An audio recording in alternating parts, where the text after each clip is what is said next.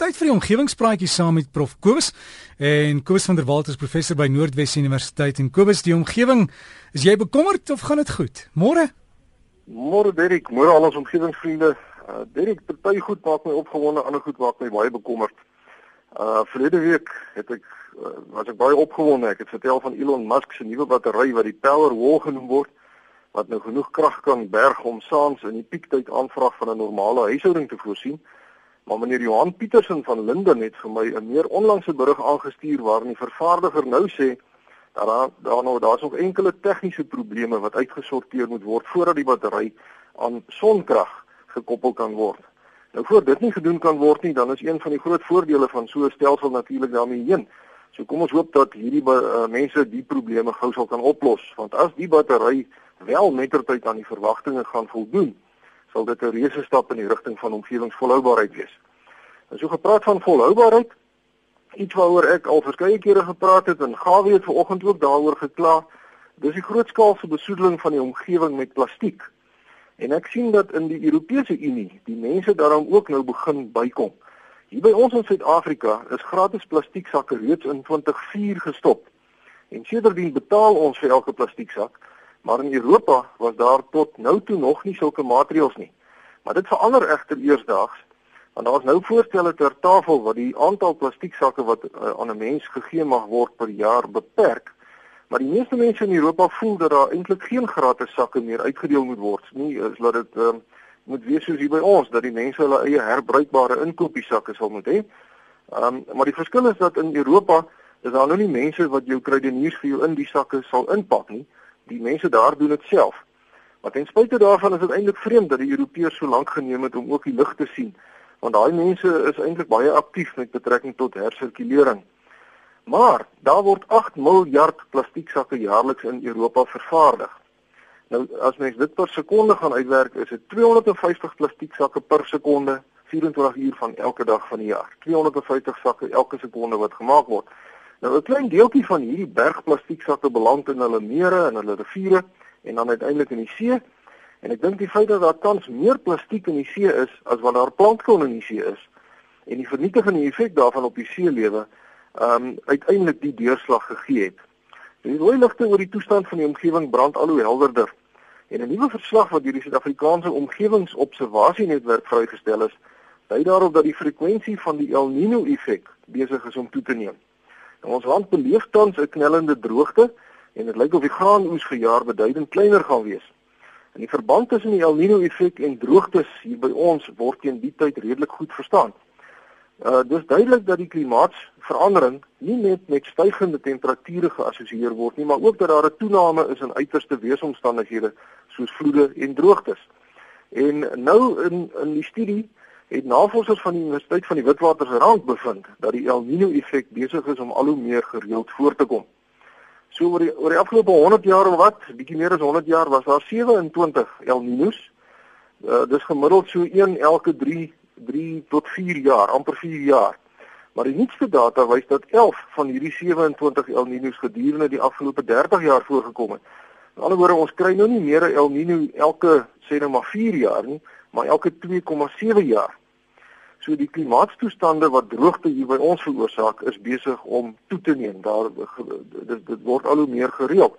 En die feit kan gesien word in die vloei van riviere op die laafveld van Mpumalanga wat deur die Kruger Wildtuin vloei. Waar die meeste van die riviere oor die afgelope 100 jaar verander het van standhoudende riviere na seisonale riviere. Die invloed van die toenemende El Niño is egter nie net in Suid-Afrika merkbaar nie want in 'n artikel wat in die tydskrif Agriculture and Forest Meteorology gepubliseer is, word bewys dat die afname in koffieproduksie op die hooglande van Oos-Afrika, in Brasilië en ook in Costa Rica direk gekoppel kan word aan klimaatsverandering. Die probleem in al hierdie areas is dat die minimum nagtemperature besig is om te styg. Met ander woorde, dit word nie meer koud genoeg snags.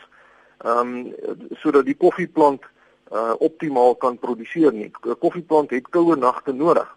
In Tansanië het elke 1 graad Celsius wat die nagte nou warmer geword het, 'n produksieverlies van 61% tot, uh, tot gevolg. En baie van die koffieboere daar moes reeds hulle plase verlaat omdat hulle nie meer bestaan kan maak nie. As mens na die hele wêreld se koffieproduksie kyk, dan dui die huidige tendense daarop dat die wêreldproduksie met minstens 1/3 gaan afneem teen 2060. En dit gaan natuurlik 'n massiewe invloed hê op die nagenoeg 100 miljoen mense wat internasionaal in die koffie-industrie werksaam is en natuurlik ook ook op ons almal want ons hou dan elkeen van ons koppie koffie in die oggend.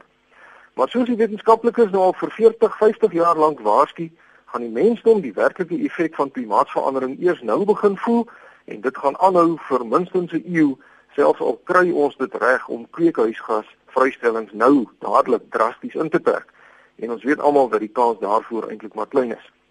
En ek weet nie of ek my verbeel het Derek, maar dit voel vir my of die huidige winter bietjie sukkel om sy opwagting te maak hier bo op die Hoëveld.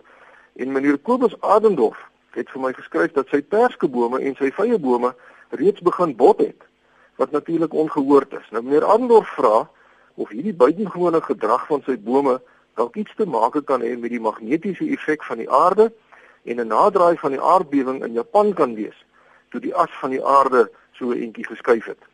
Ja meneer Adendorf, baie dankie vir die brief. Ek dink ons moet net eers gou kyk na die as van die aarde, want die aarde het eintlik twee asse. Die eerste as is die sogenaamde figuuras, wat 'n as is waaromheen die aarde se massa gerangskik is. En die ander as is die rotasieas wat ons kan voorstel as 'n paal wat deur die twee pole van die aarde gaan en die aarde draai dan om hierdie rotasieas. Nou hierdie twee asse kom nie presies ooreen nie. Trouwens die figuuras en die rotasieas se posisie verskil met omtrent 10 meter by die noordpool van die aarde en dit verander elke dag. Dink byvoorbeeld aan 'n groot sneeustorm wat sê nou maar die hele Amerika, Noord-Amerika met sneeu bedek. Nou die miljoene tonne sneeu wat nou aan die een kant van die aarde lê, veroorsaak dat die aarde se balans effens versteur word. En die gevolg is dat die aarde dan nie meer presies glad in die rondte draai nie, maar dat hy so effens wankel of 'n Engelse woord is wobble. Mens kan ook dink aan 'n ijskaatser. Uh, as hulle so vinnig in die rondte draai en hulle trek hulle arms in, dan verander die figuuras uh, omdat die gewig nou nader aan die rotasieas versprei is en die yskaatser gaan dan vinniger roteer. En as hy nou sy arms uitstrek, dan gaan hy stadiger roteer. Maar as hy nou net een arm uitstrek, dan gaan hy ook half begin wobble of wankel dan. Nou die aarde werk net so. Die Japan aardbewing het die massa van die aarde effens anders gerangskik omdat van die groot plate nou uh, beweeg het. En die effek was dat die figuuras met omtrent 17 cm geskuif het. En die resultaat daarvan is dat elke dag nou omtrent 2 miljoenstes van 'n sekonde korter is omdat die aarde effens vinniger om sy eie as draai. Die feit is egter dat winde, seestrome en weerverskynsels se invloed op die aarde se figuuras 550 keer groter is as wat die Japan aardbewing se invloed was. En hierdie veranderinge gebeur elke dag gedurig. Die vreemde gedrag van meneer Adendorf se bome wat nou al begin bot, kan dus nie toegeskryf word aan die Japan aardbewing nie, maar dit is veel eerder die gevolg van die buitengewoon warm winter wat ons tot dusver beleef. En dis nie net hier by ons nie. Ek het op NOAA, die Amerikaanse NOAA se webwerf gaan kyk en die gemiddelde wêreldtemperatuur vir Maart maand verjaar was die warmste sedert temperatuurmetings in 1880 begin het. Die getuienis begin al hoe meer oplaai dat klimaatsverandering se effekte 'n al hoe groter rol in ons almal se daaglikse lewens gaan begin speel. En daarom omgewingsvriende, lewe so groen as wat u kan in alles wat u doen. En dit daarmee sluit ek af vanoggend.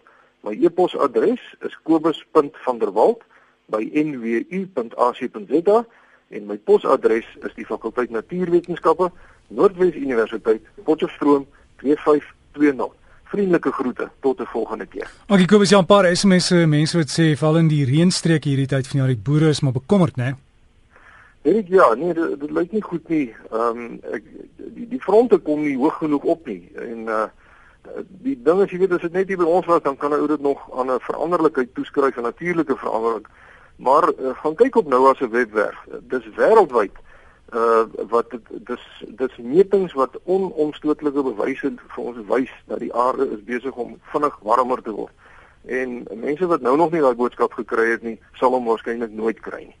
So gesels ons dan met Kobus van der Walt, daai e-posadres is kobus met 'n k, kobus.vanderwalt by nwu.ac.za